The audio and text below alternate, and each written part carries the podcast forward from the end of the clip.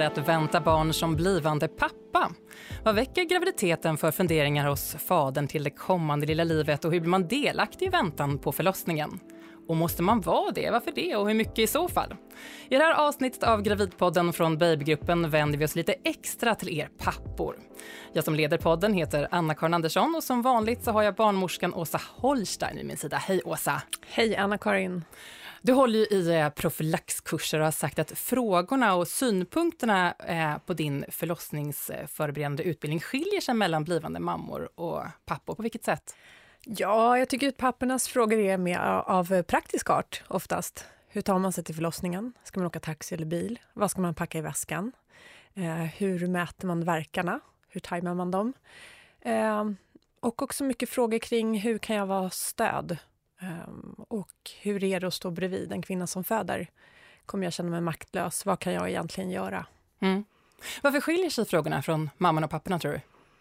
Det är väl ganska naturligt tycker jag, eftersom det är kvinnan som för det första bär graviditeten och känner av alla kroppsliga förändringar under graviditeten och också förstår att det är hon som faktiskt med hjälp av sin kraft ska föda fram barnet, så är hennes fokus ett annat. Mm.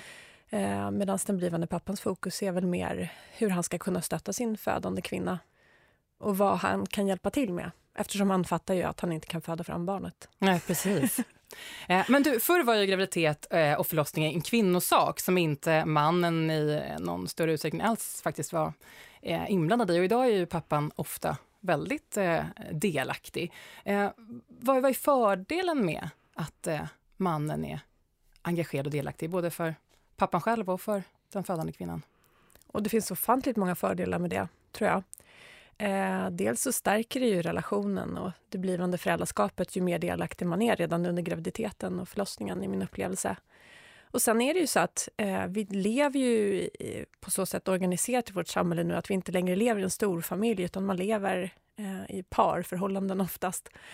Eh, så det är ju mannen som känner den eh, havande kvinnans önskemål och tankar kring födandet allra bäst tänker att det förr kanske var någon annan som tog den rollen, att det var andra... Det tror jag, när det var den här större kvinnogemenskapen. Mormor och farmor. Och, mm. Mm. Eh, vi bjöd in eh, en pappa till vår, eh, vårt eh, pappaprogram eh, och inte vilken pappa som helst utan programledaren Nisse Edvall som förutom att höra sig i Sveriges Radio också gör en, en pappapodd. Eh, så det är onekligen en pappa som vridit och vänt på de här pappafunderingarna. Vi ska släppa in honom här alldeles strax men vi ska eh, ställa då våra nyfikna frågor. Men först, eh, sant eller falskt? För här kastar vi ut påståenden om det ämne vi pratar om och det är du, Åsa Holstein, som ger svaren. Eh, är du beredd? Jag är beredd. Bra, då börjar vi med första påståendet. Eh, jag ogillar blod och avsky när de visar operationer på TV. Jag kommer att svimma när min flickvän ska föda. Sant eller falskt? Falskt.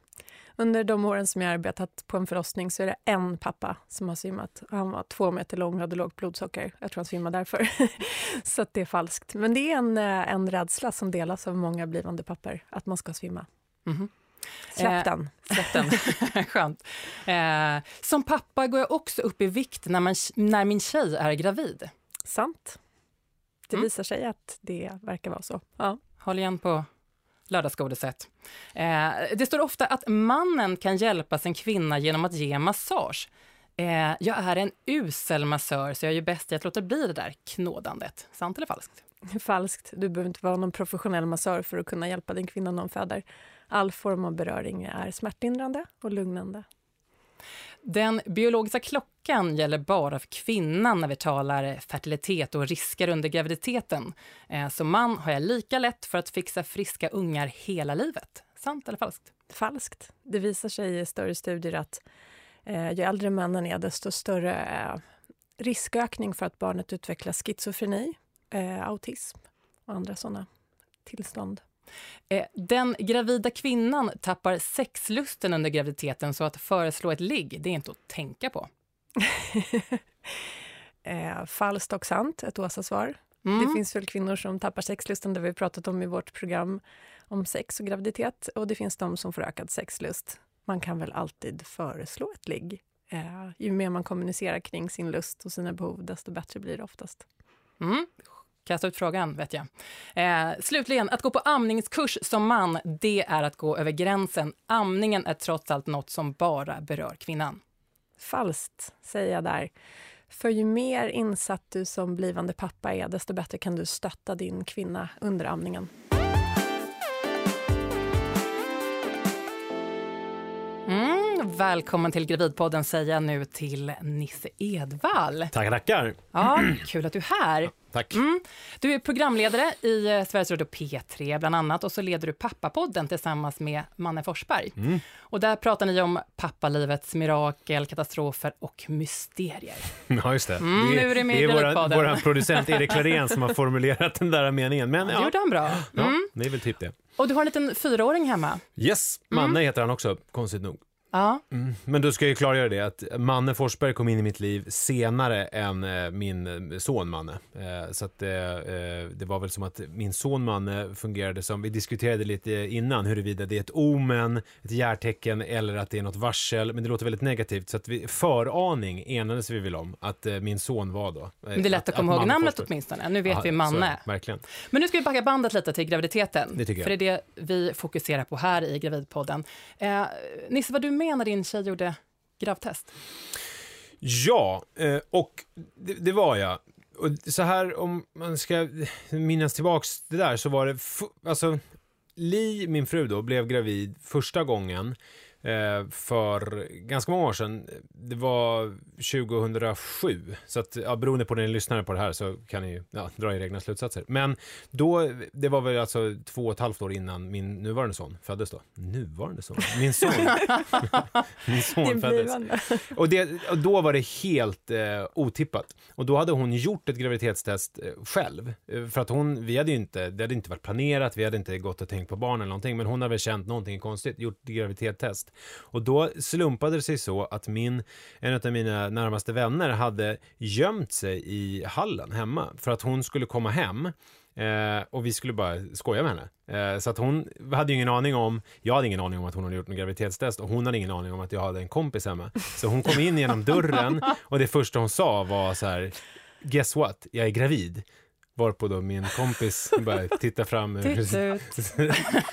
eh, ur, bakom någon jacka. Och det, och då, för då, man brukar diskutera när ska man berätta för vänner och bekanta så här att ah, är det vecka 12, är de här magiska, okej då kan man gå ut med det. Men det var inget problem för oss eftersom det var ute, det var ute från... Det var- Det var online direkt.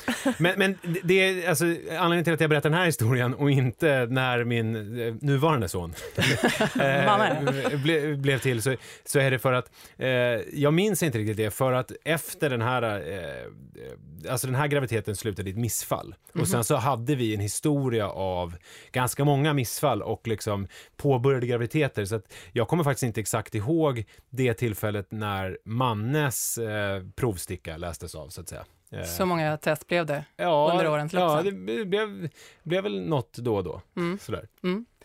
Men när det då var, eh, när man eh, var på gång så att säga, Mm. hur, hur uttryckte du det då när du berättade för vänner och bekanta? Ja, men då hade jag ju vis av erfarenhet eftersom det som hände då när, med första graviditeten som ju blev ett eh, inte- jättesent, men alltså vecka, innan vecka 12, alltså vecka 10 blev det väl missfall eller något sånt. Eh, I och med att det var ute bland vänner och bekanta så upplevde jag att det var mycket skönare då när det gick åt helvete, att jag, då kunde ju folk förstå att man var ledsen istället för att man behövde gå någon slags omväg och säga jag var glad men nu är jag ledsen för att det blev missfall. Så att då, då berättade vi direkt Eh, när, liksom, när man, eh, för att om det går åt helvete så vill vi att folk ska veta eh, varför vi är ledsna. Och folk visste ju då att vi hade haft problem och att det Ja. hade liksom varit en process. Så att det var bjuda in dem så fort som möjligt. Så Mm. det var er strategi de Ja. andra gångerna också? Ja, det var det. Eh, och sen så med jobb och sånt, jag, jag för ju en tämligen ambulerande tillvaro som frilansare så att det har aldrig varit aktuellt att berätta på en arbetsplatser för att det finns så många olika ställen. Så att, eh, ja, jag vet inte vad jag skulle berätta. Nej. Li berätt, väntade, med, för hon hade vid det tillfället eh, en fast tjänst. Hon väntade till de där vecka 12, förutom typ närmsta chefen fick väl veta för att de sån här morgon illamående och annat kunde Mm. förklaras. Sa du vi är gravida? Det är ett intressant uttryck när man är... Mm, eh, nej, det gjorde jag inte. Och jag, jag vet inte, jag har aldrig riktigt träffat någon som säger vi är gravida. Jag är mer så här folk som jag. skojar, om, som skojar om typ såna här surdegspappor på Södermalm. Att de säger, jag aldrig, däremot så sa jag ju vi väntar barn, men det var ju, alltså, det var ju verkligen Li som var gravid. måste jag säga. Jag, Mm. jag kunde inte göra anspråk på den, den delen av det hela. Men- Och och det händer ju mycket i en, en kvinnas kropp under graviditeten. Eh, hur, hur kände du där? Var du delaktig i vad som hände eh, hos Li och eh, fostret som växte? Inte fysiskt. Nej. Jag var inte, gjorde inte gyne- Min mamma är gynekolog, eh, så jag, jag är uppväxt med så än- filmer i, i bokhyllan där det står så här, våga vaginalt för att det är någon ny operation från USA när man ska tajta till slidväggarna via vaginan istället för att gå via magen. och så vidare. Då kände du det hemma i alla fall? Eh, Ja, så att, eh, jag, jag har ju aldrig haft något större problem. Jag har gjort tv-program där min mamma sitter med och beskriver liksom kvinnliga könsorganet, vad som är vad. Så, så, så att jag, har inga, jag har aldrig haft något problem med just de där bitarna. Däremot så Alltså, det är klart att jag försökte hänga med på det som hände i den mån jag kunde läsa böcker och typ ta in, ta in information, men det är väldigt svårt att tro att man kan förstå hur det är att ha något. För det är ju, del, alltså det är ju verkligen ett, alltså det är ju någonting, alltså när, man, när jag var yngre, när jag tänkte på det här med att bli gravid, då tänkte jag att det var en del av kvinnan som växte där inne. Men det som slog mig när Liv var gravid, det är ju att det verkligen inte är det. Det är ju någonting eget. Alltså, alltså på ett sätt är det ju en parasit som liksom käkar upp mammans eh, liksom allt, allt, allt, allt som är liksom all näring och allting går ju åt den här bebisen som tar, kramar ur liksom musten ur eh, kvinnan. Så att, Det är lite alien-feeling Ja, på det ja. hela, verkligen. ja, och det här att det sprattlar och grejer så att det, det är ju helt omöjligt att föreställa sig hur det faktiskt är. Men märkte du liksom, kunde du märka verkligen att hennes kropp genomgick förändringar? Var det påtagligt för dig? Mer än att hon blev större? Alltså när man tittar på bilder så här efteråt, då är det ju, då slås man ju av, fy helvete vad stor du var. Eh, om magen ska jag tillägga. Inga Ja, missförstånd. här gäller det att gå vi- försiktigt fram. ja, ja, passa sina ord. Eh, men däremot, då var det en sån successiv förändring. Däremot så kommer jag ihåg från den här första graviditeten som ju sen blev ett missfall, alltså då tog vi ju bilder liksom precis efter att vi, hon hade kissat på den här stickan och det var positivt och då kände man så här, åh gud vad stor du har blivit redan nu, fast nu så här, nej det hade hon inte alls blivit, det var bara ett, men, men sen när det väl, när man väl var i rullning så det bara hände ju liksom. Man, man la ju inte märke till det. Första veckorna kanske och första tiden, men sen så blir det ju den där perioden som man brukar kalla för den här tysta perioden, alltså efter, vad är det, vecka, eh, när är det, vecka 18? Nu får vi vända oss till barnmorskan. Nej, men du tänker där efter man har slutat må illa oftast? Ja, och Ja. när efter ultraljudet, när det liksom så här, när det egentligen inte händer någonting Mm. känns det som. Och man nästan, vecka 17 ungefär? Ja, och man eh, själv, jag kom på, kanske eh, förekommer det här med eh, var vi befinner oss veckomässigt i, i graviditeten. Men jag kommer ihåg då att det kunde gå dagar utan att jag tänkte på att vi skulle ha barn. Mm. Att, att någonting Mm. som var så centralt i början och så påtagligt. Men sen så helt plötsligt så, det är ju en ganska lång period. Helt plötsligt så, det är jobb och man håller på och grejer och fixar och liksom, eh, det är en lång tid, graviditeten. Mm. Men, men finns det eh, en risk att som pappa hamna utanför just för den här alien-känslan? Som kvinna lever man ju med det här trots allt i sig hela tiden, så även om det är jobb så, så, så, så bär man det ju med sig. Men som pappa är ju du på jobb på ett annat håll. Alltså risk, det beror väl på lite grann vad hon har för ambitioner själv som pappa. Det är väl möjligt att, det är, att vissa pappor kanske tycker att det är asnice att slippa befatta sig med det där. Eh, Medan för andra så, om man anser att man tycker att det är eh, en risk att man hamnar utanför, då får man ju se till att vara lite mer delaktig. Mm. Eh, och då liksom slipper man ju den. Men är det bra att vara delaktig som man och blivande pappa? Finns det Alltså, fördelar? jag, jag, alltså, jag har svårt att säga liksom så här, ja det är bra. Jag tänker hur det är, hur man är som person. Alltså, och, och, och hur, för mig var det ju ganska eh, självklart att vara delaktig för att jag tyckte det var ju mycket roligare då. Alltså hela den här eh, Eh, hela graviditeten och hela liksom det här med att ska skaffa barn och allting. Det, det kan ju lätt bli att man bara så här, ah, nej, uh, avfärdar liksom allting som, nej, det är ingenting för mig. Och då kan man väl göra det och tycka att det är roligt att göra andra grejer. Men för mig var det väldigt roligt. Och då... Du var med på mödravårdsbesöken? Ja, visst. Jag var, jag var med på allt. Jag var ju Ja. mer engagerad än vad Li är. Men, det- men det tror jag också är en så här eh, personlighetsgrej, att hon är lite mer sådär blasé som person och jag är lite mer engagerad i största allmänhet. Så hur framstod du hos eh, barnmorskan? Vilken roll? Jag får fråga där? barnmorskan om. Men jag, tror, jag var nog, jag vet ju inte hur pappor är generellt, men inledningsvis jag känner jag igen mig lite grann i det där med taxi Fast jag var ju också sådär att jag var den som hade koll på järnvärden och sådär, förde Mm, anteckningar mm. och var sådär med, ja men nu måste du äta dina tabletter och sådär. eh, och- det tror jag har att göra med dels min personlighetstyp men också för att, att Alltså som, liksom att jag försökte gripa de halmstrån som fanns för att jag skulle hänga med. Jag minns att det var eh, mödravårdscentralen anordnade några sådana här föreläsningar på eh, Södersjukhuset här i Stockholm där, där vi, eh, som vi hörde till då, och, och då var det liksom en om eh, graviditeten och en om förlossningen, en om amning. Och då kommer jag ihåg, jag gjorde liksom anteckningar som jag sen sammanställde till ett litet kompendium, så här, häftade ihop och så här. Och det var ju ingen som läste det, förutom jag kanske som Ett bläddrade litet En liten P- en tenta liten för. Lisa. Ja, ja, ja. Jo, men att man sådär, det var för att få någonting att hålla i. Struktur. sådär. Ja, lite Ja, struktur. ja. Exakt.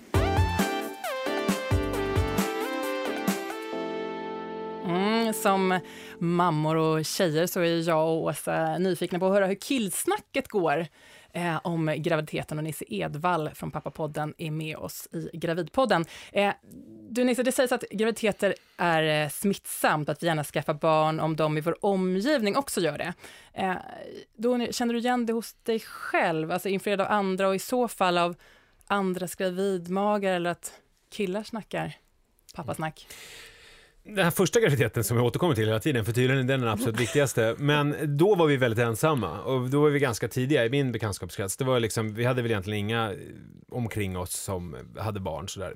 Sen när väl Manne blev till, alltså det var, vi har några kompisar som jag vet hade liksom diskuterat eh, mig och Lidos att vi kanske måste sätta igång nu för att det verkar ju inte som att det är så himla lätt att bli med barn och sådär. Så att de kanske influerades lite, det vet jag inte.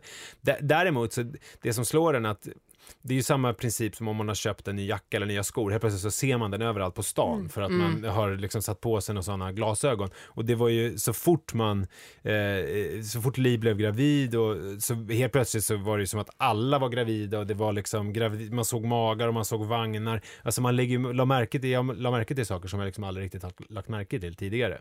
Så, så på så sätt så kanske det helt plötsligt blev så. Men inte, jag kan inte säga att det var direkt i bekantskapskretsen. Nej. Sådär något. Och då undrar jag, så här, pratar man, nu när du ändå är här, nu måste jag Mm. passa på.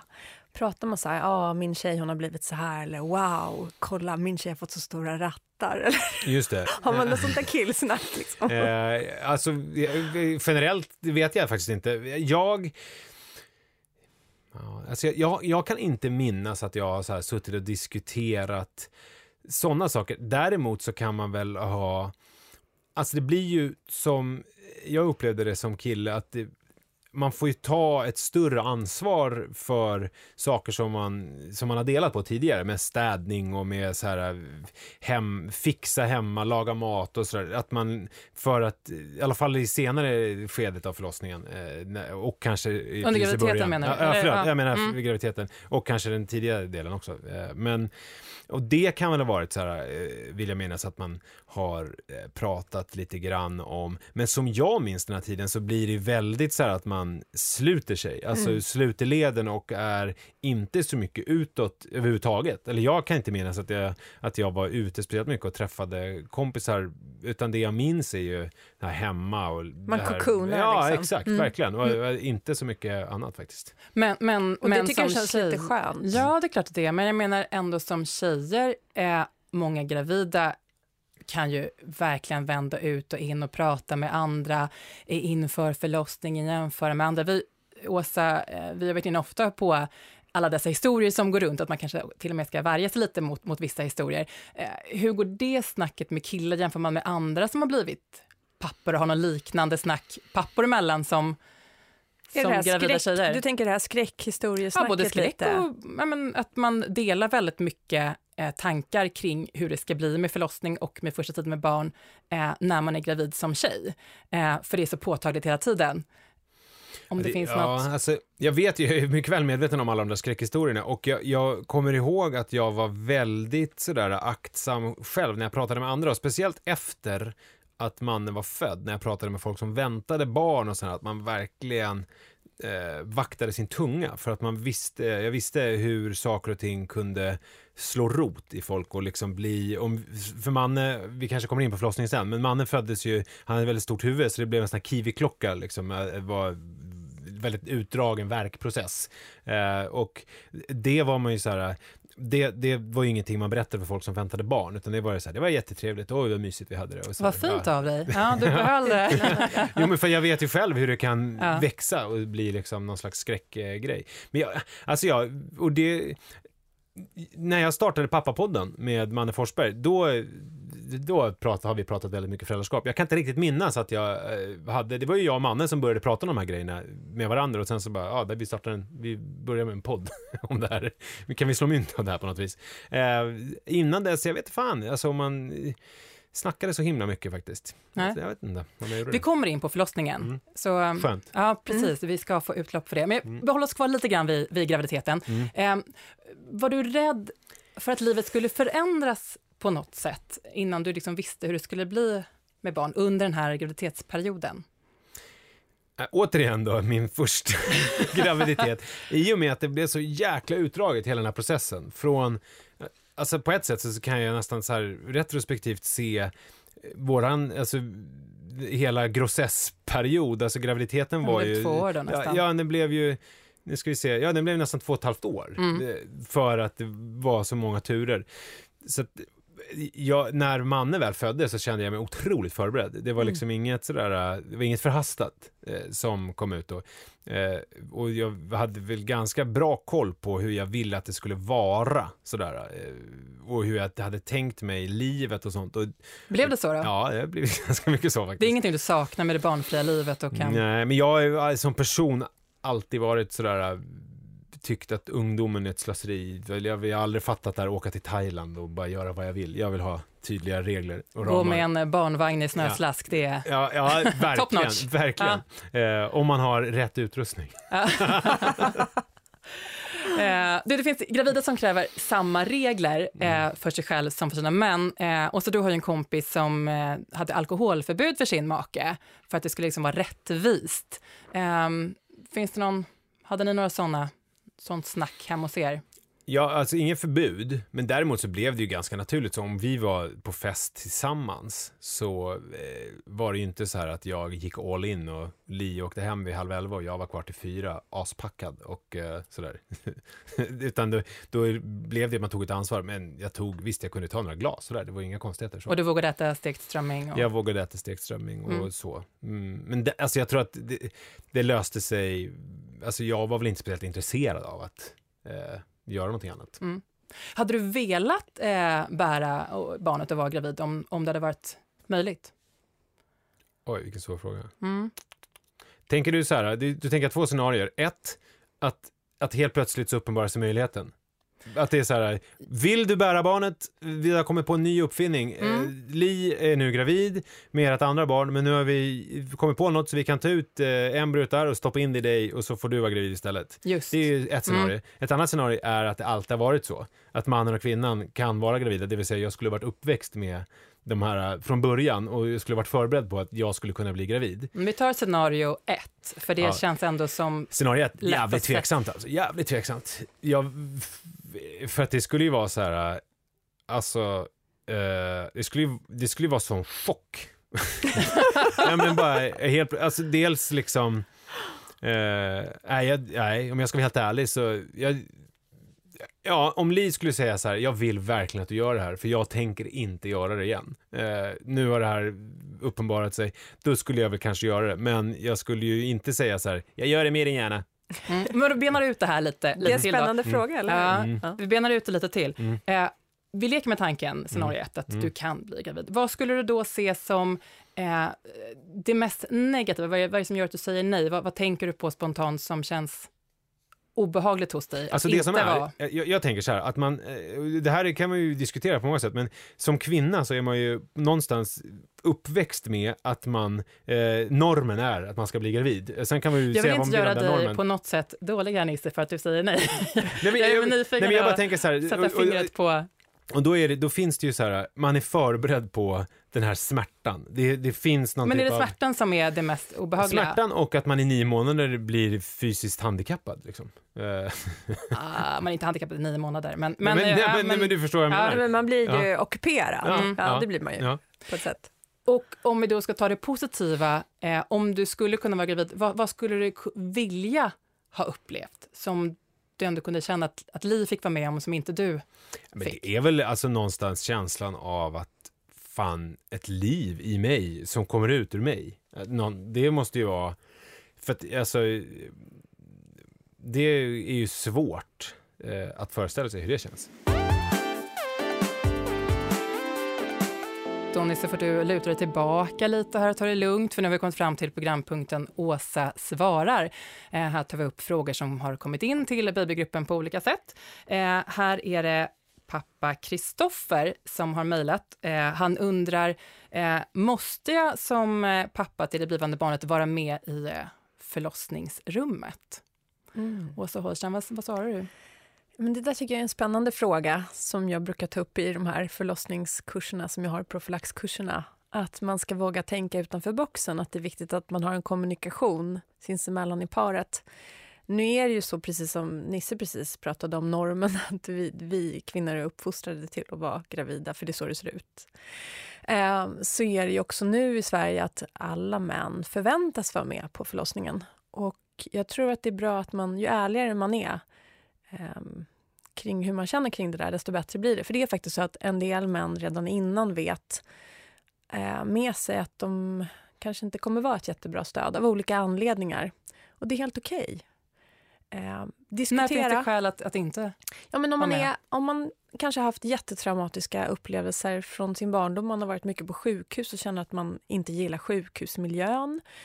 Eh, det finns en uppsjö av anledningar till varför man kanske inte känner att man kommer vara det bästa stödet. De flesta känner att de vill vara med och kommer vara ett bra stöd, men det ska också vara okej okay att känna att man kanske inte vill vara med eller att man vill ha en till person med.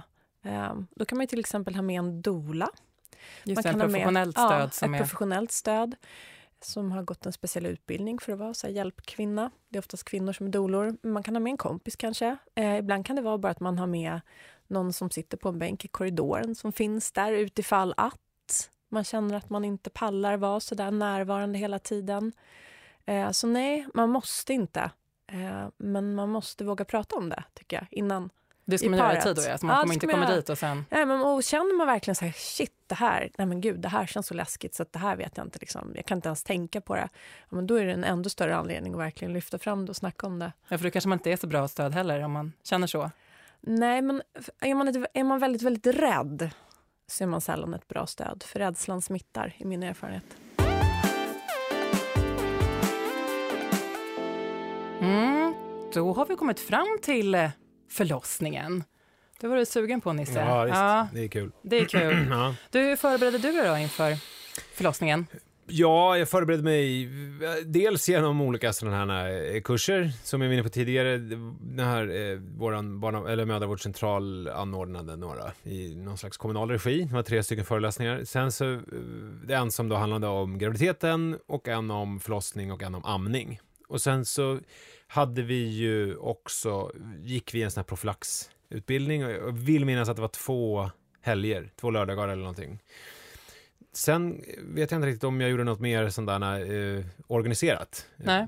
Men jag tycker att de där kurserna och sånt, det var var väl kanske egentligen inget nytt. Det som är i och för sig bra med de här förlossnings, eh, förlossningskurserna, det är ju att få koll på alla de olika faserna. Alltså det här, nu, nu var det så många år sedan, men eh, verkfas och vilofas. Och, du har inte kvar ditt kompendium längre? Nej, ja, det ligger någonstans. Eh, ja, men, och, och alltså, ju mer information, som, i alla fall för mig, ju mer information jag fick, desto mer var jag på det klara med vad som skulle hända, så att säga. Och det, du hade hjälp av det? Ja, det jätte, det? ja det, för mig blev jag jättelugn av det. Och sen så profylaxkursen, tycker jag var, alltså det som också, det som kanske är absolut viktigast, eller var viktigast för mig med alla de här kurserna, det var kanske inte riktigt det eh, alltså det fakta jag fick. Däremot så var det ju att jag tillsammans med min hustru satt och gjorde någonting som handlade om det här och tvingades att tänka på det och som sen gav upphov till liksom, frågor och vi diskuterade saker efteråt och sådär. Jag tror att en del som jag uh, har haft runt omkring mig har ju avfärdat allt sånt där när de har varit på det. Så bara, Gud, eh, hon var så konstig barnmorskan eller och, du, och så sa de det där. Alltså man hakar upp sig på någon mm. detalj mm. och, så blir, och så tänker man så här, men herregud, se stor, uh, the big picture. Uh, och liksom ta det för vad det är istället. Med tillfälle att eh, eh, komma på, för man associerar ju själv, man kommer med massa frågor och så tänker man och så, så kan man prata om det sen. Jag tyckte det var jättehärligt. Mm. Eh, nu har du varit inne på att eh, när mannen föddes så, så, blev det en ganska långdragen eh, process då. Eh, om vi bara ska banta ner det i korta drag, hur, hur var din känsla un, under själva förlossningen? Hur upplevde du den? Alltså det var väldigt sådär uh, by the book för att eh, det var vattenavgång, vi kollade på nyheterna, vi åkte in och det allt såg bra ut. Det var liksom inga verkare, vi åkte hem och så var det liksom en helt vanlig sån som man eh, hör om. Alltså verkarna kommer igång på natten och vi åker in på morgonen och, och så var allting, allting följde liksom manus. Det var, hon öppnades någon centimeter eller två i timmen eller vad fan det ska vara och det var liksom, och vi, jag testade lustgasen, vi hade jätteroligt och mysigt. Hon fick sån här epidural, först hade hon jätteont så fick hon epidural och då blev det bra. Och så, alltså det var väldigt mysigt. Det var, alltså jag minns det väldigt positivt. Det var en väldigt härlig tid. Sen så någon gång, mannen föddes någon gång fyra på eftermiddagen, sista två, tre timmarna hade hon verk, alltså då var det kryst, krystverkar. Och, då, och det var ju skitjobbigt för då fick Lisa ont och så var det ju, eh, alltså när man känner, för verken, alltså krystverken är ju väldigt sådär eh, primal, men den är ju, om man inte har varit med om det så är det svårt att beskriva för att det är någonting, det känns nästan som eh, den här filmen med Max von Sydow, vad heter den, eh, med det här barnet som är, eh, när han är, eh, vad heter den filmen? När han är helt... Eh, Vi tittar på varandra här. Vänta, jo, vadå? Men, jo, men ni vet, det är ett barn som ligger och som har demoner inne i kroppen och så ska man driva ut dem. Exorcisten, säger ljudtekniker Samuel. Tack så mycket. Eh, Exorcisten, förstår ni vad jag menar? Att det kändes mm. som att Li blev, det var någonting annat som tog över. Vi förstår vad du menar. Ni, ni förstår. Vi förstår vad du menar. Ja. Det är en väldigt stark ja. kraft mm. som tar över kroppen. Och alla ni pappor som lyssnar, tänk på Exorcisten. Eh, men, och det tyckte jag var, då kände jag mig ganska maktlös hopplös. För att då kände jag så här, gud jag kan inte göra någonting här. För att hon, hon bara skrek och hade ont och det var liksom ben som for åt olika håll. Och det var, de snackade om ner med hakan, upp med, upp med benen, koncentrera kraften utåt. Men det kändes liksom bara som att det bara blev ett blä, ut i ingenting när hon skulle liksom krysta. Men då, sen kom det in en doktor och fixade det med en sån här eh, klocka och det, allt blev frid och fröjd och det blev jättebra. Men just de där två, tre timmarna, de var rätt obehagliga faktiskt. För då visste mm. jag inte riktigt, jag, jag kände mig maktlös, jag kunde inte göra någonting. Nej. Hur hanterade du den, den känslan då? Ja, hur hanterar alltså jag försökte göra saker. Alltså jag försökte lyssna på vad barnmorskorna sa och jag försökte så här, ja men nu gör vi så här, ställ dig på alla fyra, häng på mina axlar, eh, ställ dig bakom där, gör det och så här peppa och försöka typ vara snäll och gullig liksom. Men ja, jag såg ju, jag såg ju att hon eh, inte riktigt, eh, att det liksom inte riktigt funkade, att det, att det skulle krävas någonting annat så att säga. Mm. På något sätt. Fast jag visste inte om jag, jag, jag, visste inte heller, ska jag säga det? Jag kände inte att det var läge att så här, ni måste göra någonting, min kvinna är i smärta! För att jag visste ju att ja, det går ut på att man ska ha ont liksom. på ja. ett sätt. Men hur var det att se då, din fru ha så ont och inte kunna göra någonting? Det var ju, det var ju Alltså det är ju också, det är ju en grej med förlossningen som jag kan tänka mig att ni känner till också. Alltså så fort den är över och man får, jag fick ett barn och liksom allt det här, så försvinner det här som ett litet minne. Så det jag har med mig nu är ju det här äh, mysiga som vi hade när vi körde, när jag testade lustgas och allt det där. Så att de där två, tre timmarna eh, kommer jag ju knappt ihåg. Men, men det är ju, jag minns bara brottstycken av liksom hur hon ligger på sidan och har ont och jag, eh, alltså hon, på ett sätt, jag känner inte igen henne. Hon såg ut på ett sätt som jag liksom inte riktigt har sett tidigare. Och jag kan inte riktigt minnas hur jag kände exakt då. Jag minns bara hur det kändes precis efter att han hade varit, kom ut. Liksom. Mm. Vi grottar inte ner oss i de jobbiga timmarna. Det är ju nej, att du vill dela med dig av den här positiva nej, men, bilden. Men jag tycker också att det är spännande att, precis som du säger, att det kan vara så att det är några timmar som är väldigt jobbiga, men det är oftast inte det man minns sen efteråt. Nej, utan det, man kommer ihåg det som är bra. Ja, och det, många, inklusive jag, var ju det här att man koncentrerar sig så jäkla mycket på den här förlossningen Eh, att, det var, att det var det här som var slutmålet med eh, hela graviditeten. Men då hade jag, och det här är ju, det är ju lite så här nördigt på ett sätt, men jag lyssnade på någon så här profylax när man pratar om det här med målbilder efteråt. Det här att man ska tänka efter eh, och inte tänka bara, när man tänker mållinjen, man tänker 20 meter efter mållinjen. Och jag, jag hade verkligen en sån bild i huvudet av, för man är ju född eh, strax innan eh, Lucia där, vid, vid början på december. Att jag hade en bild av att jag skulle ligga hemma och det skulle vara lite så här Lucia på tvn och lussebulle och han skulle ligga på mitt bröst sådär. Och att det skulle vara så här vinter och varmt och murrigt. Och den bilden hade jag kvar och den tänkte jag på väldigt mycket faktiskt, hela den där perioden. Coolt, Eh, och du tyckte den hjälpte dig? Ja, och det, det, precis så blev det sen också. Mm. Mm. Eh, har din bild av eh, din fru förändrats eh, efter det att hon då burit och fött ditt barn? Ja, ett kort tag efteråt och eh, sen, nu är det tillbaks igen. Ja, men det tog ändå fyra år. Ja. Ja. Jo, men alltså, i början var det ju så här, var man väl lite imponerad, men sen så fan, liksom timmar blir till dagar, blir till veckor, blir till år och så glömmer man bort allt det där. Att den där lilla pojken som springer runt nu har varit där inne och att hon har burit och haft ont och varit stor och liksom, för allt är som vanligt nu och det är som att han alltid har funnits på något sätt. Mm. Eh, Men du själv då, har du förändrats någonting? Sen du blev pappa?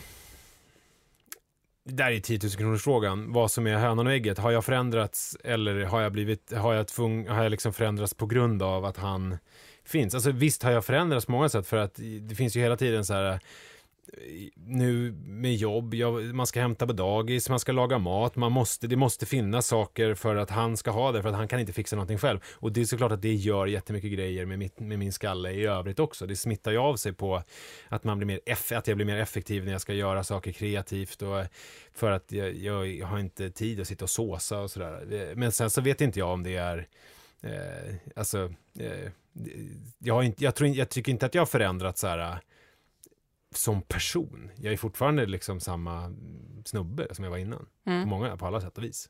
Till, eh, På gott och ont.